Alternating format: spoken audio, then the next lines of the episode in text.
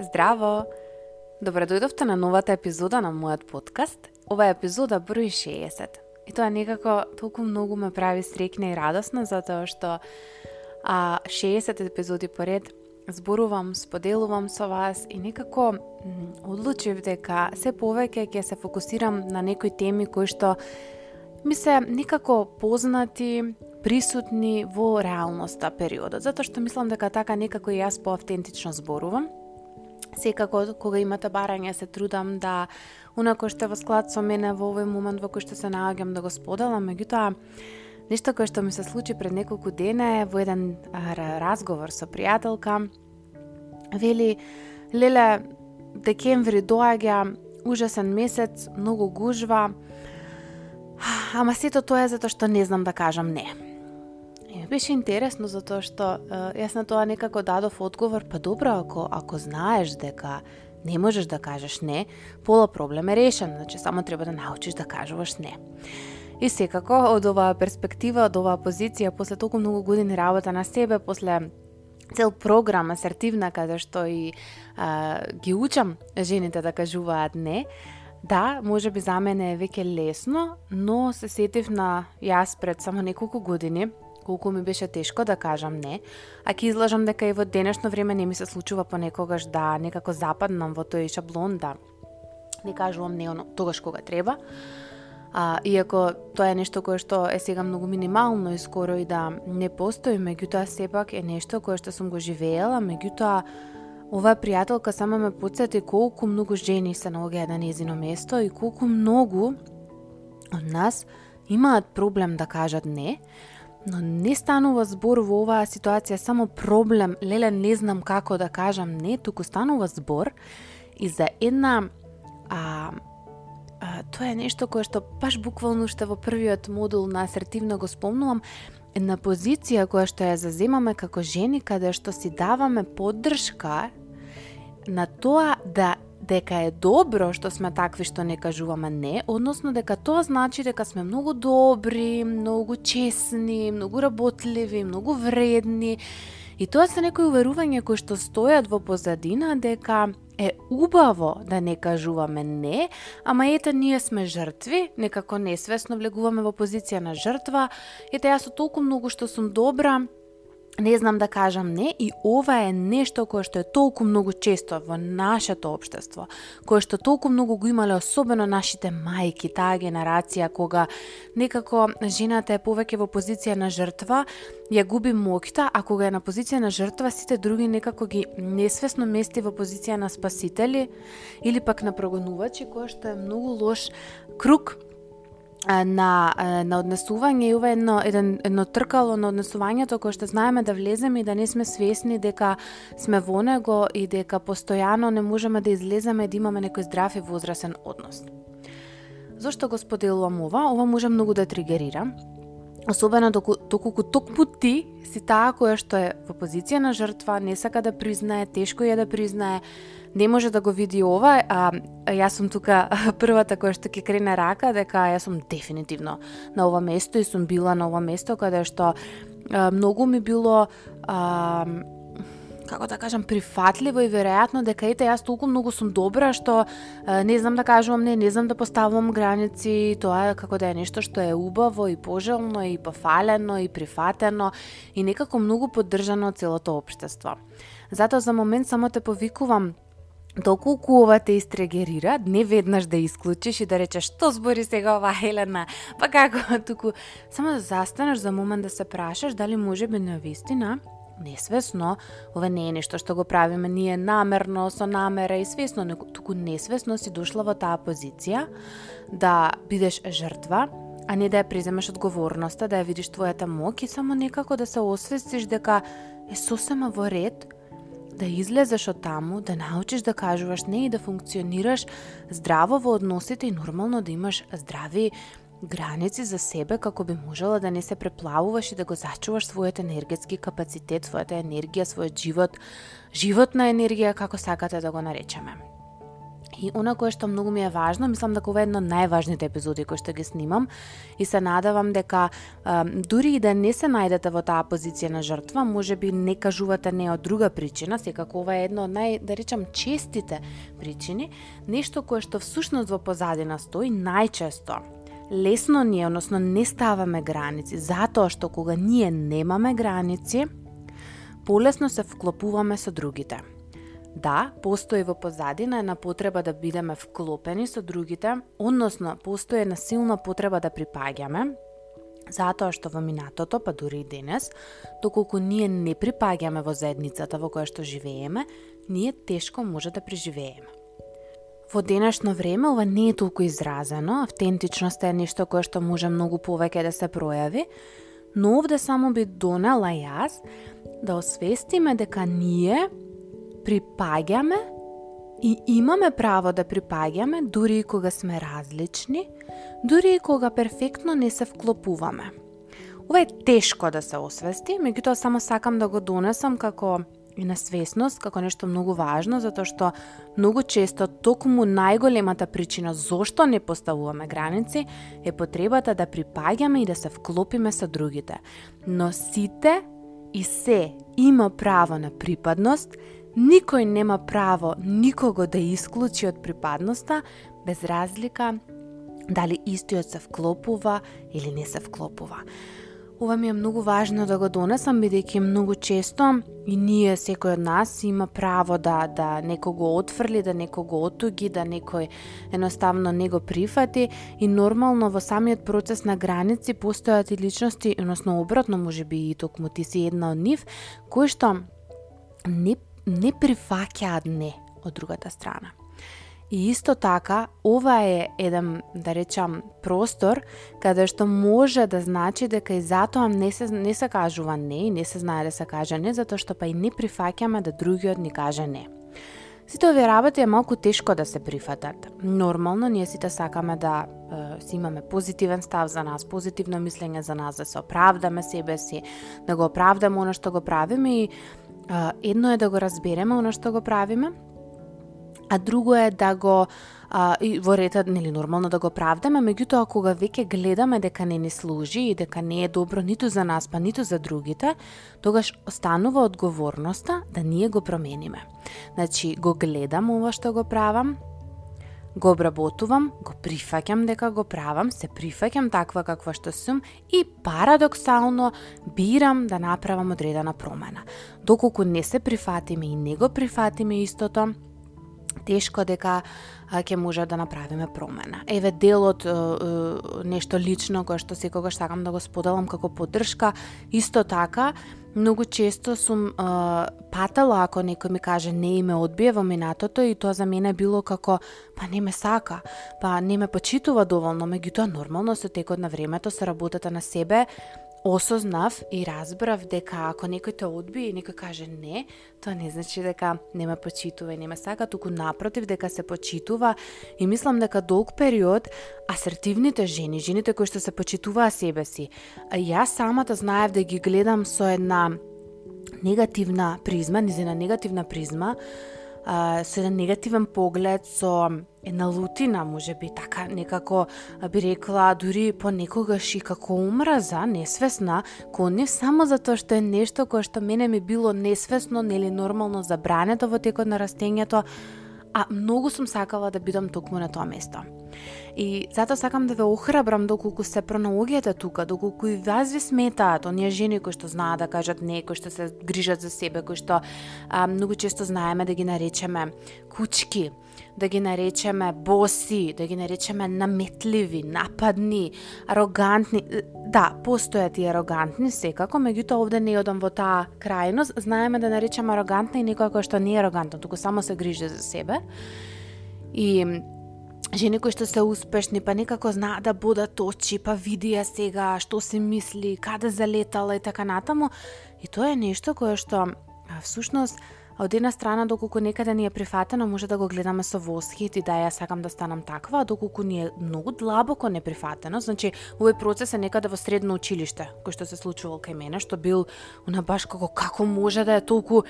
само бендисана, нели? Буквално дури и љубовта кон себе и таа само доверба сум ја гледала како види ја само бендисана. Едноставно постоела девојка, жена без разлика, девојче, ученичка, соученичка, другарка, која што ам, знаела како да се сака себе, да се штити себе, да го штити својот енергетски капацитет и да се става себе си на прво место. Е сега, Има и уште еден друг процес кој што тука ќе го донесам и некако мислев дека ова ќе е кратка епизода, ама имам многу што да кажам на тоа како да кажете не. Може би ќе ја поделам на два дела епизодата чисто само за да некако има некаков а, а, тек а, бидејќи кога снимам, веќе не снимам со забелешки, а, ретко нешто запишувам, гледам да сум спонтана и така како ми тече мислата, така и ви споделувам, тука ми доаѓа нешто што е многу важно да го споделам, а тоа е дека многу често во позадина на не, некажувањето не, кај многу луѓе, знае да а, постои чувството на долг, односно да се чувствуваат должни. И сега ова е многу индивидуален процес. Зошто? Многу индивидуално зошто кај некој се јавува таа тоа чувство дека им должи на другите дека треба многу повеќе да им даде. Но нешто кое што би рекла дека често знае да биде, не секогаш, често, а, пак ќе кажаме индивидуално, значи немојте да се фокусирате само на ова сега што ќе го кажам, но во позадина знае да постои едно чувство, едно уверување, една мисла, јас не сум доволно добар, добра, па затоа морам на другите да им компензирам и да им давам многу повеќе како и тие би ми давале мене. Кога ние даваме на другите, секогаш во позадина стои нашата потреба дека сакаме да примаме.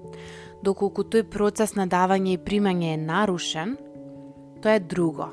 Меѓутоа, секогаш кога многу даваме, сакаме и многу да примаме. И многу често знаеме несвесно, значи ова е несвесен процес, да си ги купуваме врските, релациите, најчесто пријателствата, меѓутоа и вклучително и љубовните партнерства и не само баш на пријателство и колеги нели така натаму, а, така што ќе некако направиме одредена проценка што е оно што е потребно на другата личност или што е оно што ќе ја купи, подкупи буквално, ќе ја даваме одреден период многу за на некој начин да ја врземе за нас за да се осигураме дека таа ќе биде тука. И сето ова е прекрасно, меѓутоа ова не е нешто кое што може да трае вечно, затоа што во одреден момент ќе се јави лутина, а, ќе се јави оној прогонувачки дел, каде што станува, прво станува жртва таа личност, затоа што ете таа толку многу давала на другата личност, а не добива ништо од другата личност што се јавува еден дисбаланс и незадоволство во односот, па понатаму станува прогонувач, па јас толку многу давам, ти ништо не ми даваш. Ова во љубовните релации е многу често изразено, меѓутоа и во пријателските релации исто така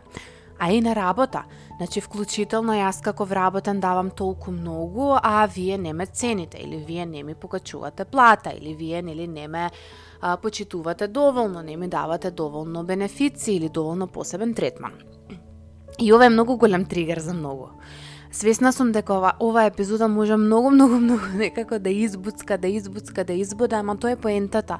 Само сакам некако да ви доловам дека не сте сами во овој процес, дека сите скоро се наоѓаме во овие процеси, дека не е нешто дека ние сме лоши ако го имаме ова. Тука едноставно да ова буцкање, буцкање и освестување само да ви биде на некој начин шамар, а окей, чекај што правам. Не мора вака. Може односот да биде здрав, може здраво да ја поставам границата. И што се случува? Кога ние ги купуваме врските, релациите, без разлика, купуваме во наводници, значи кога даваме премногу и така натаму, ние само ја губиме нашата автентичност за да се вклопиме, за да припаѓаме и за другите да ни даваат многу повеќе и всушност кога некој дава многу, тоа е само знак дека нему му треба многу. И тука доаѓа моментот на дали тоа многу што ми треба е нешто кое што можам и самата на себе да си го дадам, а тоа е да научам да кажам не и да, да научам да поставам здрави граници, односно кога да кажам не и како да кажам да и како да кажам не и кога да кажам а, да, што е некако еден процес кој што е многу, многу важен. И сега некако во продолжение ќе пробам на накратко да споделам а, како, односно зошто е толку многу важно да се каже не и како да се направи истото. Прво е многу важно да си ги знаете собствените лимити. Затоа секогаш кога работите на себе, проверете си ги вашите внатрешни лимити и нека да освестите го тоа дека да се каже не не е одбивање, туку тоа е едно искрено признавање на што е она кое што во одреден момент може да го направите. Многу често а, испо, споделувам и го кажувам тоа зошто не работам да речеме повеќе часови во текот на денот. А можам. И имав со баш со една а, клиентка имав еден таков разговор каде што и објаснив а, дека ако јас земам 10 повеќе клиенти кои што можам да ги земам и сум имала 10 повеќе и 20 повеќе од овој момент, што ќе се случи со мене за 12 месеци? Буквално метафорички сакав да ја објаснам затоа што а, а, да речеме често влегуваме во burnout каде што се некако а, полажуваме за она кое што ќе го добиеме, за парите кои што ќе ги заработиме, за некоја место и дестинација и цел што ќе ја имаме, а забораваме каде и како ќе изгледаме ние на крајот од тоа патување или после X период од тоа патување. Дали јас на вистина сакам да имам толку многу повеќе финанси, а да бидам во burnout, да бидам преморена, да не знам каде се наоѓам, да бидам во бес, да мојата работа едноставно веќе не ми е убава, или сакам да знам и да научам да кажам не, и да имам а, листа на чекање, да имам луѓе кои што нормално може да се откажат од таа листа на чекање, да имам толку многу во наводници изгубени часови кои што можам да ги имам, Меѓутоа да бидам во склад со себе, да бидам добра, да се грижам за себе и да можам да бидам најдобрата а, верзија од, да речам, терапевска верзија и а, за моите клиенти. И ова е многу тешко некако да се направи, затоа што е ова еден долг процес и бара некако многу долга работа, меѓутоа во оваа епизода не би можела сите процеси да ви ги а, донесам како и е нешто кое што е доста индивидуално и затоа секогаш потикнувам доколку не си го знаете собствениот лимит, веднаш почнете со работа на себе, работа на себе не во ка, на овој начин преку читање и слушање, работа на себе индивидуално со коуч, со терапевт, со некој кој што го работи веќе тоа кој што може да ве води на процесот и да си ги откриете вашите лимити индивидуално. Кажувањето не, Исто така ви ја зачувува енергијата, така што ви дозволува да си ги приоритизирате работите кои што ви се многу важни. И затоа оние луѓе кои што знаат да кажат не, многу често знаат секогаш да бидат успешни во оние работи кои што им се приоритети. И нешто кое што е многу важно е кажувањето не, е нешто кое што помага да се изгради врската со себе и да се е, изгради е, еден респект, односно еден почит кон себе и да се покажеме и докажеме на себе си, меѓутоа и на другите, дека се цениме и дека сме вредни и важни. Автоматски, она чувство на не сум доволно добре им должам, полека почнува да исчезнува, затоа што јас сум доволно важна и доволно вреда. А, е сега, она кое што е многу голема кочница во овој процес е вина. Затоа што тука се јавува вина, а, срам, страф, многу емоции, меѓутоа најчесто вина и затоа проверете од каде потекнува вината. Некако пробајте емоциите и акциите да ги разделите, да видите дека а, не значи дека ако некого одбијам, дека не го сакам, дека мојата акција на одбивање е нелюбов или непочит И секако тука е многу важно да ја нагласам моките на емпатијата затоа што кога комуницираме и кога кажуваме не важно истото да го направиме со многу емпатија. Секако зависно со кого, меѓутоа многу поредки се оние личности за кои што треба да бидеме груби, да бидеме понаметливи од колку оние со кои што треба да бидеме навистина многу емпатични и асертивни. Асертивно значи дека ќе ја уважам мојата потреба, ќе ја уважам туѓата потреба и ќе ја искомуницирам потребата без да ја повредам другата страна и секако без да се повредам себе си. Е сега,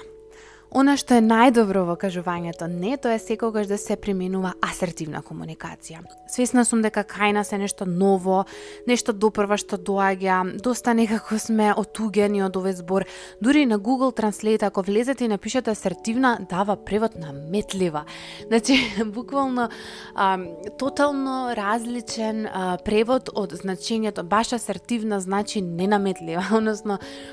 и, а, ние имавме во третата група асертивна некако предизвик, дајте најдеме некој збор македонски кој што ќе биде додавме сите заедно до зборот јасна, меѓутоа Мислам дека ни тој збор не е доволно некако јасен за да може да ја објасни асертивноста, затоа што ете асертивната комуникација значи дека сме да јасни, директни, а, експресивни на начин кој што не ја омаловажува другата личност, меѓутоа исто така не не носи нас ниту во агресија, ниту во а, попусливост. Е ова мора многу некако да да остане, значи не одиме стануваме агресори, не стануваме попусливи. Стоиме за она што го сакаме со многу голема емпатија, со многу голема свесност, со многу голема присутност. И ова е тешко. И затоа знае да е процес кој што трае, каде што во позадина се откриваат сите тие моменти од каде доаѓа виното, од каде доаѓа срамот, што со стравот, што понатаму, односот со родителите и така натаму, мислам тоа е еден процес кој што е многу долг за кој што дефинитивно ова не е не е некој место каде што можам да го донесам, меѓутоа еве чисто ви носам а, како, значи преку асертивна комуникација, преку а, многу е важно кога кажуваме не да го кажеме тоа а, грациозно, односно да го кажеме тоа доста јасно, со кратко објаснување, доколку е потребно, нели нормално, често знае да е потребно, меѓутоа да биде кратко, да го нема моментот на оправдување, туку да го има моментот на кратко објаснување. Значи ние не се правдаме зошто не го правиме тоа, туку само кратко објаснуваме. На пример, тоа може да биде а, не знам, дали ќе излеземе вечер, некој е најобично а, не, а, веќе имам планови, а, здраве ќе се видиме друг пат. Значи, некаде да каде што го има не, имам планови, не мора да ги објаснуваме плановите, не мора да објаснуваме не знам што и како се случува. И многу често тука јас дури поддржувам да бидеме свесни кој стои пред нас, за да можеме да видиме на кој начин да го дадеме објаснувањето. Ако пред нас стои некоја личност која што е доста емпатична и која што знаеме дека некако има до, доста големо разбирање и самата е асертивна, може да речеме, леле, не, многу сум уморна. А, вечер сакам да се одмарам убаво да си поминеш, нели? Меѓутоа, ако е некоја личност која што ќе почне, која што не прифаќа не од другата страна и која што ќе почне да дури агресивно да контролира несвесно и така натаму, кој што е баш контролор во границите, а, тогаш во ред објаснувањето не, имам други планови. Значи за да нема некако премногу навлегување внатре, а сакаме да го задржиме односот, затоа што на крајот на денот и тоа е многу важно. Кога поставуваме граници, ги поставуваме за да го одржиме односот, а не за да го распаднеме, затоа што да го распаднеме можеме многу лесно. Границите се тука да не штитат нас и да ја штитат другата личност, како штитови. И нешто друго кое што е важно во кажувањето не е да имаме приоритети. Затоа што кога ние точно знаеме што сакаме, кога имаме приоритети, кажувањето не некако станува автоматски. Значи, ако јас имам за тој ден зададено три приоритети, јас знам дека на се друго кое што ќе ми одземе повеќе од, не знам, x време, повеќе од 15 минути, од о, уште од почеток морам да му кажам не. И тоа е нешто кое што се вежба и нешто кое што дефинитивно многу е, станува навика и тука само сакам да ве поддржам дека првиот пат кога ќе кажете не ќе биде тешко, Вториот пат ќе биде полесно и веќе 20-тиот пат ќе биде лесно. Секако со некои личности ќе ни е малку потешко, многу често во некои релации ни е доста тешко, каде што има многу набој, каде што е потребно доста и да се работи на таа релација и така натаму, меѓутоа не е невозможно. И сега кога поставуваме граници, не секако не е исто во некои лични а, да речам, во личен сетинг, различно е на работа, Различно е во лични релации, различно е граница со себе. Но, ве молам, не заборавајте дека мора да се научат граници со себе, само дисциплина, за да може да се задржи здрав баланс и да се учи да се кажува не и на другите. Исто така, многу е важно да се научиме да се носиме и ние самите со грациозно кога некој нам ќе ни постави граница и кога ќе ни каже не, значи да прифатиме, да разбереме дека тоа не е рефлексија на емоции, туку тоа е акција која што е согласно ситуацијата и која што не значи дека не сме сакани и почитувани. И исто така, да си дозволиме да пораснеме низ таа низ тоа одбивање така што ќе ни биде една можност за раст и развој и нормално да најдеме друг начин. И ова е вештина која што се учи, која што за жал не ја учиме рано во животот. Некои семејства ја имаат, значи најчесто децата ја учат и од родителите. Меѓутоа, доста некако луѓе ја немаат, токму поради тоа што се мешаат овие емоции. И само сакам да го донесам моментот а, за крај, дека кога ние, повторно ќе се вратам на почетокот, и колку и ова да ви звучи хм, непријатно, тешко да се прифати, кога ние кажуваме да, а вриштиме од внатре дека не сакаме, ние не сме добра личност. Во тој момент сме ние злобни и ова е многу тешко да се да се прифати, затоа што во позадината кукаме и поплукуваме како другата личност не сватила дека ние не можеме или дека ни е многу тешко. И буквално не сме искрени не сме ние искрени, автентични, добри, љубезни и така натаму, туку напротив, ние стануваме баш она огорчени и лоши не само за себе, туку и за другата личност, затоа што и правиме во, на некој начин лице. И затоа сакам да ве охрабрам, сите кои што имате проблем да кажувате не, дали е тоа на работа, дали е тоа со себе, дали е тоа со родители, дали е тоа со пријатели, дали е тоа во релација со партнер, да се охрабрите, да научите за тоа што токму кажувањето не тогаш кога треба, може да ви го промени животот и а, се надевам дека ќе стигнат до крај оние кои што слушале. А, веројатно уште една епизода и треба да снимам нова, а тоа е да внимаваме во процесот на учење да кажуваме не, да не почнеме да кажуваме не и на работи кои што нам на вистина ни се многу важни и потребни. Затоа што често знаеме да отидеме во одредена поларност каде што почнуваме да кажуваме не дури на работите кои што ни се добри и здрави за нас. Затоа работете на себе, индивидуално, пишувајте, некако размислувајте кои се тие процеси со кои што се носите и никогаш немојте да стравувате да направите промена, затоа што секоја промена е на почетокот тешка, меѓутоа дефинитивно ве носи кон многу голем раст, развој, задоволство и повисок квалитет во животот. Ви благодарам на сите што останавте до крајот на оваа епизода и се надавам дека многу ќе ви служи. Се слушаме во наредната епизода. Поздрав!